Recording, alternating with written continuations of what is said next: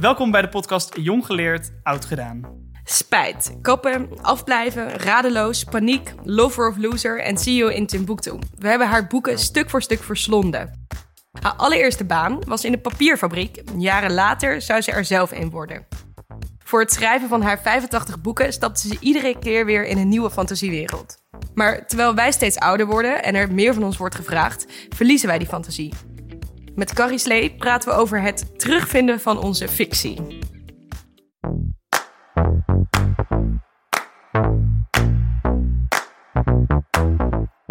Uh, nu?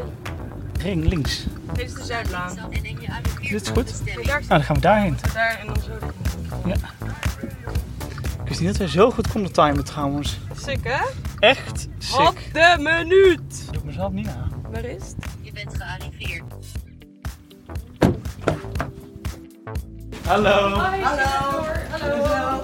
Aangenaam. Hoi. Ben Bart. Ja, hoi, Carrie. Leuk dat we hier mogen zijn. Ja, Ja. ik vind het ook leuk. Hoi.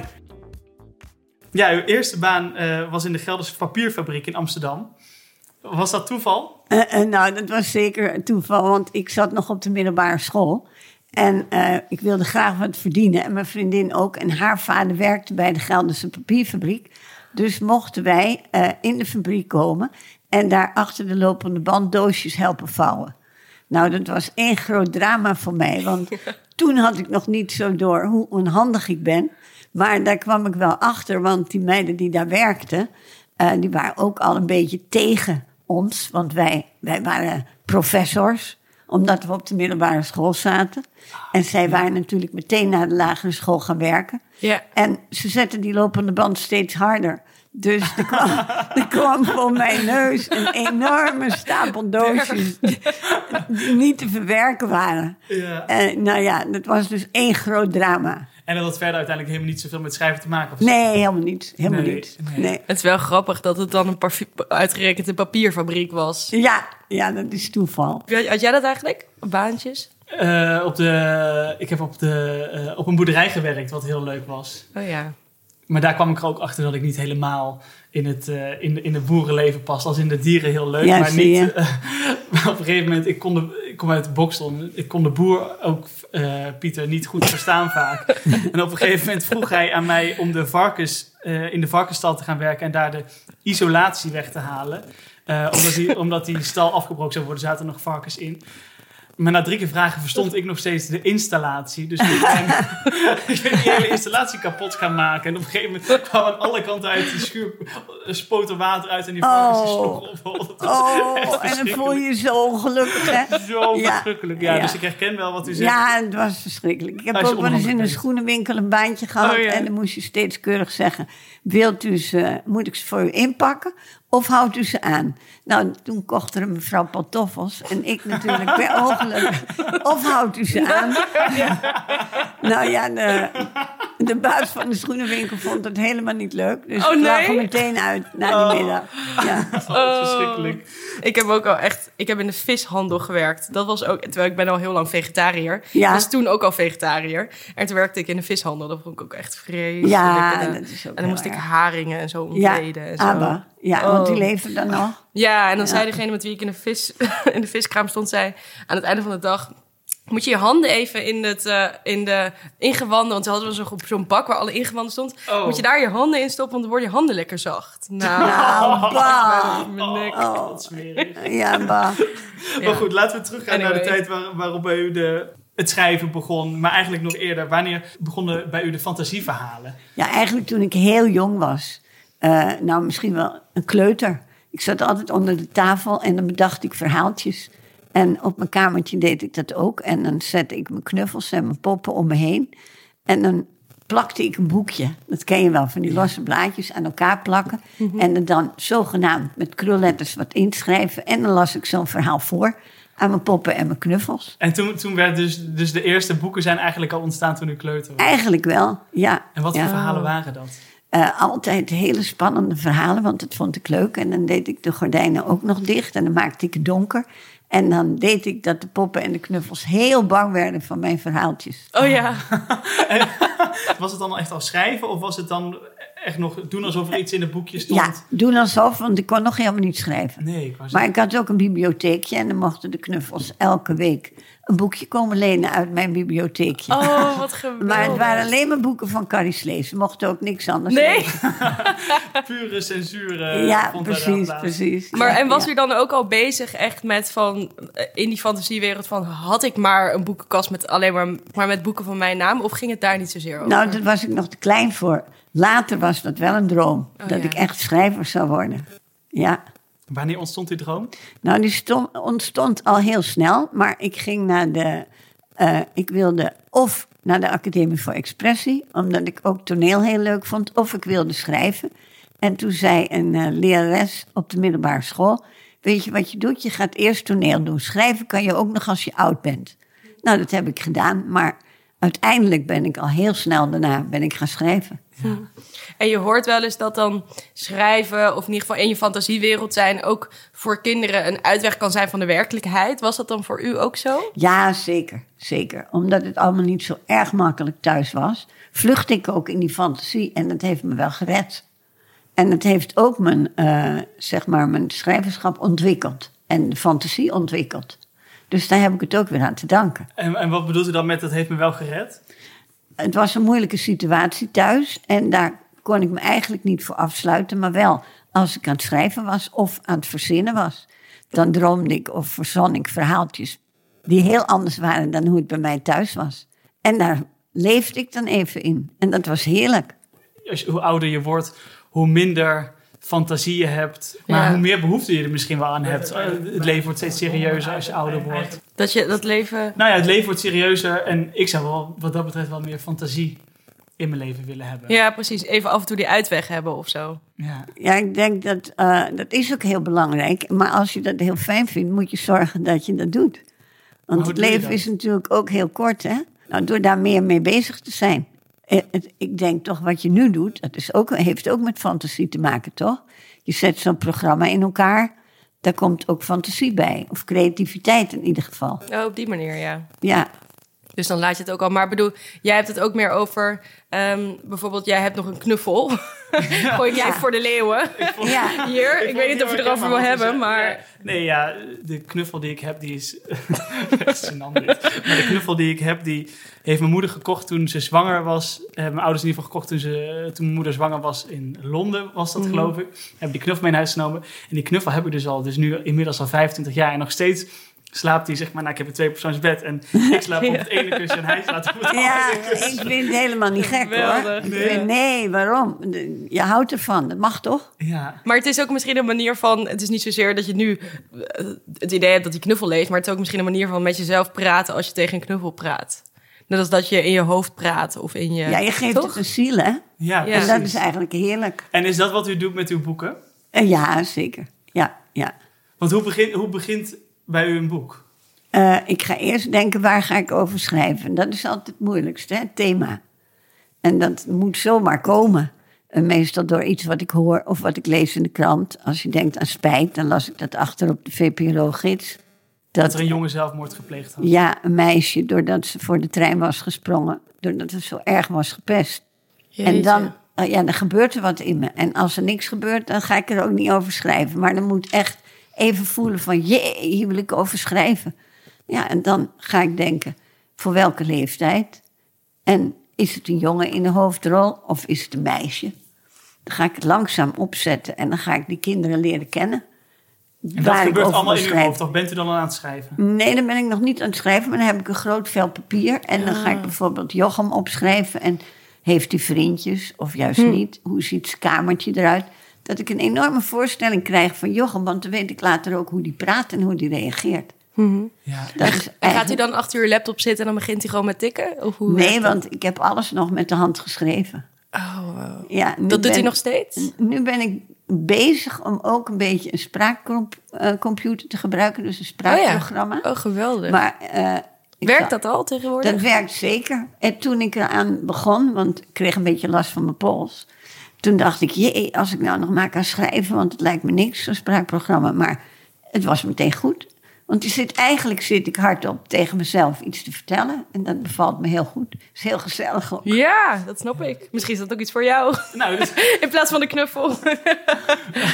nou, ik heb begrepen dat jij nog in, tegen jezelf in de spiegel praat. Ja, dat is waar. Dat doe ik dan Dus weer. wat dat ja. betreft ligt dat dus... Eigenlijk zijn Ja. we allemaal mee bezig. Dat je Ja, dus- je eenzaamheid te doorbreken, hè? ja. zou je kunnen zeggen. En als we eh, s- nog teruggaan naar het schrijven van dit boek. U heeft dus zo'n zo'n tekening.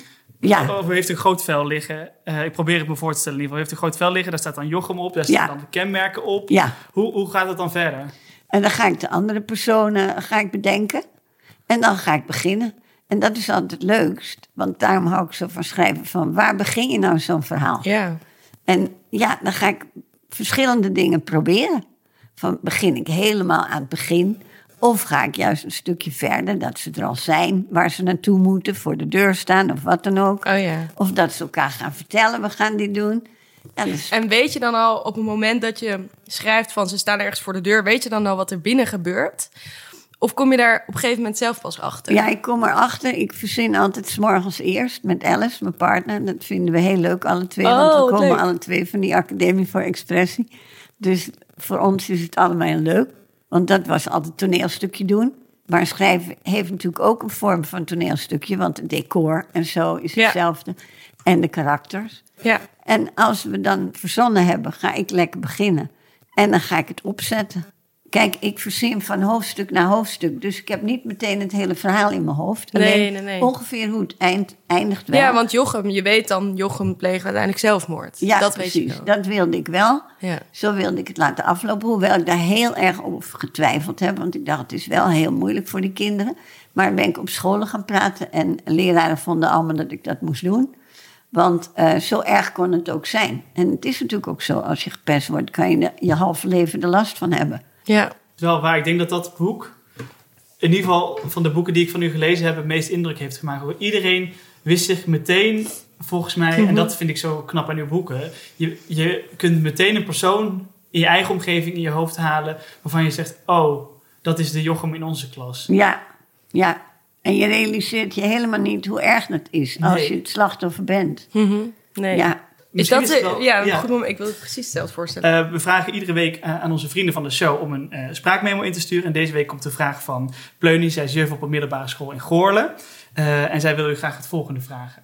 Beste Carrie, wat tof dat ik u een vraag mag stellen. Van jongs af aan ben ik al enorm fan geweest van uw boeken. Ik heb ze allemaal gelezen, van de kinderen van de grote beer tot aan kappen afblijven en razend. En wat ik zo bijzonder vind, is dat uw boeken nu bij mij op school nog steeds in de boekenkast staan die de kinderen kunnen lezen. Waar ik eigenlijk benieuwd naar ben, is had u van tevoren het idee dat uw boeken zo'n boodschap zouden hebben, dat, u, dat uw boeken eigenlijk een soort van tijdloos zijn, eh, omdat de onderwerpen eigenlijk nog steeds actueel zijn. dat idee had ik niet van tevoren. Ik was al lang blij dat ik uitgegeven werd. En ik dacht dat het heel klein zou blijven. En toen kwam de grote verrassing dat ik ervan kon leven. En dan langzaam werd het steeds eh, groter eigenlijk. Ik heb wel gedacht dat deze boeken, de, de thema's die ik beschreef, dat die inderdaad impact zouden hebben. Dat wel, maar dat het zo zou gaan zoals het is gegaan, had ik nooit gedacht. Nee. Want de boeken zijn wat dat betreft ook best wel tijdloos. Ja, en, en als je aan spijt denkt, is dat natuurlijk eigenlijk erg genoeg. Want er Mhm, wordt nog steeds ja. gepest. ja. En het blijft een item. En- En de rest ook, afblijven met de drugs en ja. allerlei dingen die ik gebruikt heb eh, toen de tijd. Ja, die zijn er nog. En als je bijvoorbeeld nu afblijven in 2021 nog een keer zou schrijven, in de huidige tijdsgeest, zou je het dan anders schrijven? Dat is natuurlijk een hele andere tijd nu. Hè. Ze communiceren ook heel anders. Het zou waarschijnlijk meer over social media gaan. Dat, dat moet wel, want zo gaat het nu. Ja, ik denk wel dat ik het anders zou schrijven. Maar ik denk dat zoals het is, kunnen kinderen zich er nog goed in herkennen. En wat waren nou dingen die u, waarvan u dacht, dat wil ik echt graag de kinderen meegeven? Dat, dat, dat, dat, dat vind ik zo belangrijk, Daar, dat moet in mijn boeken zitten. Nou, de emoties, de vriendschap. Wat vriendschap inhoudt, wat er wel bij hoort en wat er niet bij hoort. En ook eh, respect voor anderen. Zit uw eigen karakter daar ook in? Ja, dat denk ik wel. Ja, ik denk dat eh, bij elke schrijver zit zijn eigen karakter, lijkt mij. En, en hoe werkt dat dan? eh, dat ik toch reageer vanuit mezelf. Terwijl het gaat over een ander. Hoe zou u dan uw eigen karakter omschrijven? Ik ben wel een emotioneel mens. Dus eh, gevoelig. En dat is vaak in mijn hoofdpersonen, die zijn toch wel vaak gevoelig. U zegt net zelf, je moet ook uit je eigen karakter kunnen stappen. Hoe werkt dat inleven? Is dat iets waar, waar u heel goed in bent? Het Ja, heel erg. Ja, ja, geloof ik wel. Ik was het al heel jong. Misschien omdat mijn moeder altijd ziek was. En ik heb me altijd in haar ingeleefd, met haar gepraat, naar haar geluisterd. Wat had uw moeder? Eh, Waardoor Psychisch problemen. Dus dat, daar komt nooit een eind aan. Want ik heb bijvoorbeeld wel eens gelezen van u dat u zei van ehm, dat, dat u op een bankje ging zitten en naast iemand ging zitten en dan letterlijk ging bedenken van hoe, hoe wat, wat denkt diegene, hoe, hoe Ja. zit diegene in elkaar. Dat je het echt op die manier heel, dat vond ik een hele grappige kijk erop. Ja, maar dat heb ik altijd gedaan. Toen ik nog in Amsterdam woonde, eh, fietste ik door de stad. Vroeger was ik nog jong en dan keek ik naar al die huisjes en die ramen. En vroeg ik me altijd af, wat gebeurt daar allemaal achter? Het zijn ook allemaal gezinnen, zoals Ja. wij. En Ja, ja, ja. met hun eigen verdrieten. En daar ging ik dan over nadenken. En het invullen. Het zijn over het algemeen kinderboeken die u geschreven heeft, of boeken Ja. voor jonge mensen. Mhm. Heeft u dan het idee dat u ook jonge mensen iets wil bijbrengen? Ze zeggen wel eens dat ik dat in mijn werk heb. Maar ik ben niet bewust bezig om iemand iets te leren. Dat niet. Leert u er zelf ook van? Ja, absoluut. Ja, ja. En wat leert u dan? Nou, je blijft altijd, moet je je ogen open houden. Ook als je zo oud bent als ik. Hè? Want voor je het weet, eh, ga je iets doen ja, wat je eigenlijk helemaal niet bedoelde. Dan denk je, dit had ik eigenlijk helemaal niet gewild. Waarom heb, eh, waarom heb ik hier ja op gezegd? Ja, omdat die mensen zo aandrongen. Omdat ik aardig over wilde komen. En hoe bedoelt u, gaat het dan over een grote klus of over iets kleins? Van waar we Nou, daar het ja kan ook gezegd? klein zijn dat iemand zegt: Goh, eh, kom eens eh, een keer bij me eten. En dat je dan niet wil zeggen: Nou, nee, dat is niks voor mij. Mhm. Eh, nu kan ik het wel, maar ooit kon ik het niet. Dan ging ik. Ja, Ja, oh, oh, dat is dat is heel herkenbaar, ja. Ja, ja. want dan wil je niet kwetsen. En Nee. dan denk je: Ja, dat is zo onaardig. ja. Maar het is natuurlijk onaardig tegenover jezelf, ben ik later achtergekomen, om dan niet te denken: Nee, dit past niet bij me. Mhm. Mag het nog? Ja. En zegt u dat dan ook? Of zegt u dan van nee, ik kan niet, bijvoorbeeld? Nou, eh, eh, ik heb er eigenlijk helemaal geen tijd voor. En dat klopt, want ik ben altijd liever aan het werk Ja. dan dat ik dat doe. Ja. Maar dat is het ook, hè? Want het is niet zozeer dat diegene onaardig is of niet leuk is. Maar dat herkennen wij denk ik ook. We zijn liever gewoon met ons werk bezig. Ja, dat ik is ook. het vaak. Ja, Alice ook. Dus Dus, Ja. want dat is wel echt iets waar, waar, ehm, veel wat- mensen last van waar hebben. veel hoor. mensen last van hebben en wat we ook niet leren eigenlijk. We leren eigenlijk altijd maar om, zo, ook zeker met die social media, het zit al in het woord, je moet altijd maar sociaal zijn. Ja, je moet ja. aan, aanstaan, je moet aanwezig zijn. Je, moet Ja, je vergeet af en toe, loop je jezelf wel vier keer voorbij, ehm, zonder het door te hebben. ja, en ik vind het altijd lastig. Dan krijg je heel laat nog een, eh, een, een berichtje. Mhm. En dan denk ik, nee hoor, ik ga nou niet meer reageren. Nou even rust. Ja. Maar dan vervolgens geeft dat een heel naar gevoel. Ja. Heb je meer last van dan dat je even terug had geschreven... eh, ja, morgen hoor je van me. Floor die heeft een WhatsApp.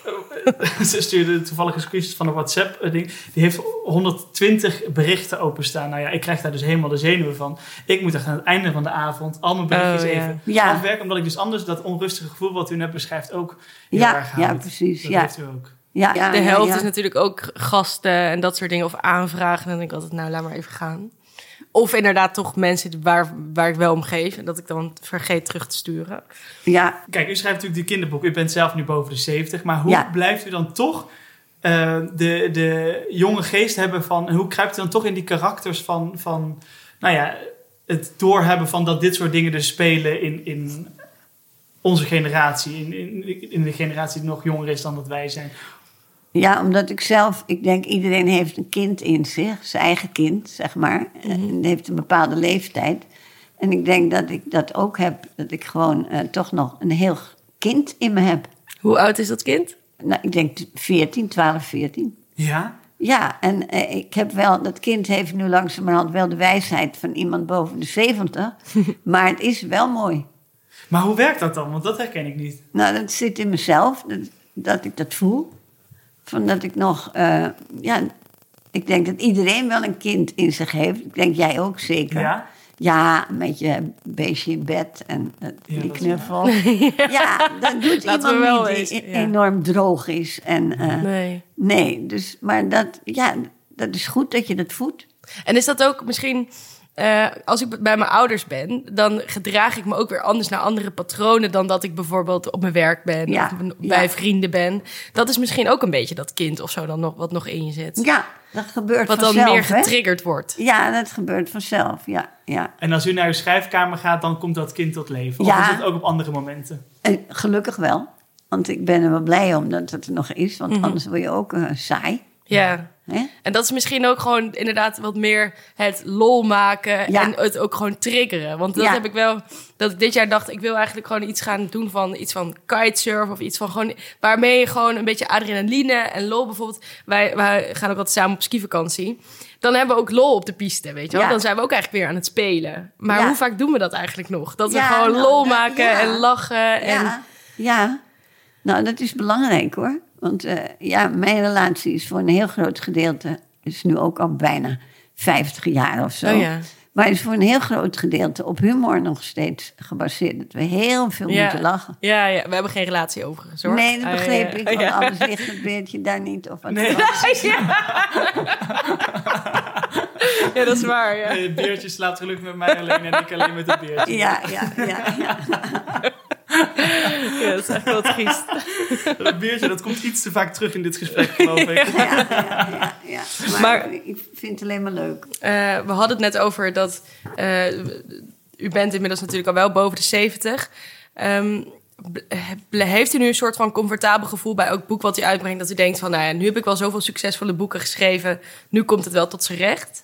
Eh, ja, maar het blijft toch altijd spannend. Want ik vind het toch altijd fijn als het gelezen wordt.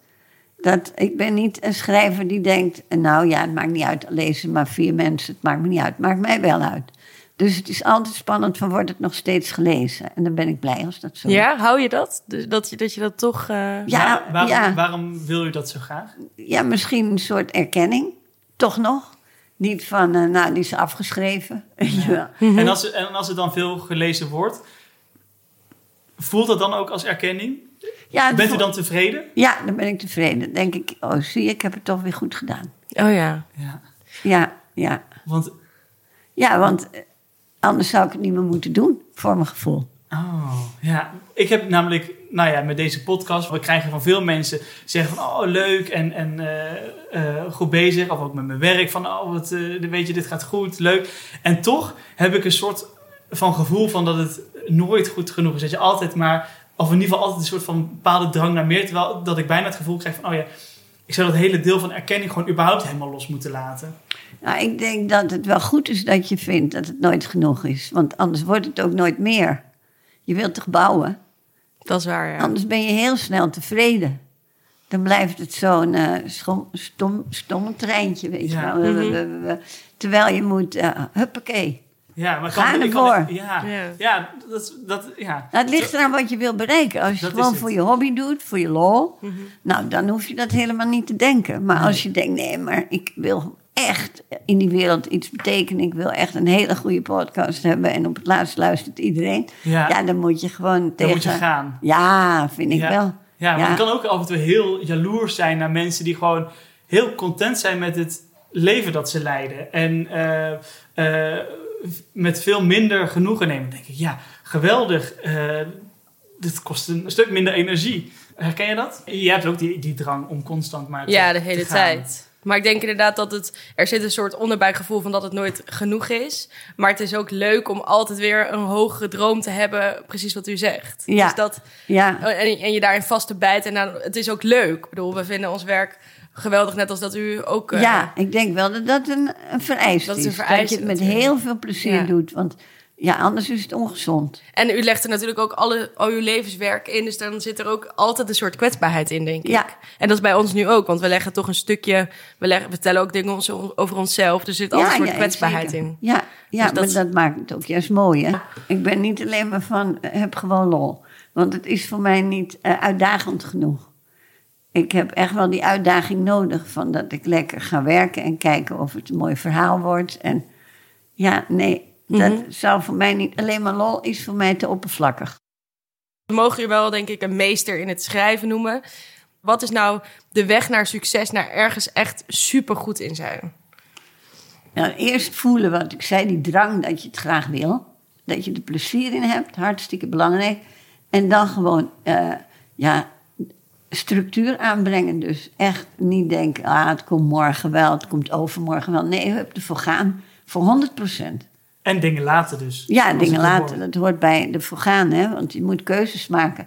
Of je hebt een heel groot sociaal leven... met allemaal vrienden die elke dag binnenkomen bij je. Dat had ik ook in het begin. Ik kwamen vriendinnen, want ja, ik werkte toch thuis. Dus eh, het is toch tijd voor koffie, weet je wel. Nou, dat Ja. wilde ik absoluut niet. Moest ik echt tegen mijn vrienden zeggen dat ik dat niet wou. Want het gaat niet. Nee, het is, ik geloof wel erg in... eh, ja, in dat je, je er helemaal voor moet... Het is net topsport. Eigenlijk is dit soort van een basisrecept. Heel veel voor eh, willen geven, de dingen voor willen laten. Je totaal in, inleven en inbeelden in wat je, wat je wil gaan doen. En er dan... En erin blijven geloven. Ook als het even tegenloopt. Ja. Toch denken. eh, wat voel ik van binnen? Dat ik het kan. Hup, we gaan weer door. En door, ja. Ik heb natuurlijk ook een vriendin. eh, die zei altijd, is er niet meer, maar die, zei, die reed mij dan rond. Als ik eh, eh, in de kinderboekenweek overal naartoe moest. En eh, in plaats van dat ze het allemaal geweldig vond, wat ik daar deed en hoe het publiek reageerde. eh, Carrie allemaal. ah, Ja. zei ze, ik heb medelijden met jou, weet je dat? Zei ze Ja. steeds. Zei ze, ja, sorry, ik heb medelijden. Waarvoor doe je dit allemaal? Terwijl u vond het geweldig. Ik vond het geweldig, Ja. maar en, en dan keek ik naar haar leven. Ja, zij eh, kon heel veel. Ze had lesgegeven op de universiteit, maar ze hield toch eigenlijk heel erg van overdag lekker eh, even naar een dorpje fietsen, daar wat kopen. De chocola is daar het lekkerst. En daar was wat, wat anders het lekkerst. Oh, Zo ja. wilde zij haar leven. Ja, het is, het is die eeuwige u was een soort jezelf. rockster en eh, met Ja. allemaal joelende kinderen die u tegemoet kwamen ja, en rennen. zij vond, het maar zielig. en dan ik dacht huh? Ja. En, en ik dacht tegelijkertijd, ik zou jouw leven niet kunnen doen. Zou voor mij niet, want ik ben Nee. daarvoor heb ik veel te veel adrenaline. En ja. nee, dat gaat niet. Dan word ik helemaal. eh, Maar dat is het misschien ook. Hè? Dat, daar kom ik nu ook al steeds meer achter. Dat, dat, dat ehm, iedereen is altijd bezig met... oké, ik leef mijn manier op deze manier... en dat is de juiste manier. ja, Dus bijvoorbeeld mijn zus zit in het activisme... en ik heb heel lang gedacht ik van... bespaar jezelf een beetje. Ja. Weet je wel, moet het altijd voor een ander? En zij zegt, nee, ik voel dat zo, ik wil dat zo... laat mij daarin gaan. Ja, ja. En daar komen ook emoties bij, maar dat kan ik aan. En dus er zijn inderdaad mensen in mijn omgeving zeggen van... Floor, moet het wat... Moet dat altijd nou zo? Moet het niet wat minder? Moet het niet... Neem eens een keer rustig de tijd. Maar ik wil dat niet. Dus nee, zo... daarom. Maar ja, dat leer je in je leven. Want ik ben natuurlijk ouder dan jullie. Dat je, ja, je, iedereen leeft toch op zijn eigen manier. En dan gaan we wel eh, dingen zeggen. Je moet dit, je moet dat. Heeft helemaal geen zin. Iemand moet een rijp appeltje zijn voor die iets kan doen. Iets veranderen aan zijn leven. Anders doet hij toch niet. Dus je kunt maar beter denken... ja, maar wat goed is voor mij, is niet goed voor jou. Klaar. Ja. We ronden onze podcast altijd af met een levensles aan onze generatie. Dus als u iets zou mogen meegeven aan onze generatie, wat zou dat dan zijn? Zou ik zeggen ehm, tegen iedereen: volg je hart. Vind ik het belangrijkste van het leven. En ik denk dat als je dat doet, dat het altijd goed komt. Ook al is het een beetje eng. Want er zijn zoveel jonge mensen die iets graag willen en het niet doen, omdat ze op die zekerheid spelen. Dat is natuurlijk ook ingegeven door de tijd van nu: van pas op, eh, je hebt dit en je weet niet wat dat wordt. Maar geloof in jezelf, volg je hart en ga er lekker voor. Dan maar wat minder geld. Dit was Carrie's Leef. Volgende week gaan we praten met onze ene laatste gast. En dat is historicus Geert Mak. Vond je het leuk en heb je zin in meer wijze lessen? Abonneer je dan natuurlijk op onze podcast of word vriend van de show. Tot volgende week vrijdag. Tot volgende week. Leuk, leuk. Ja, heel leuk. U ging zo voorbij.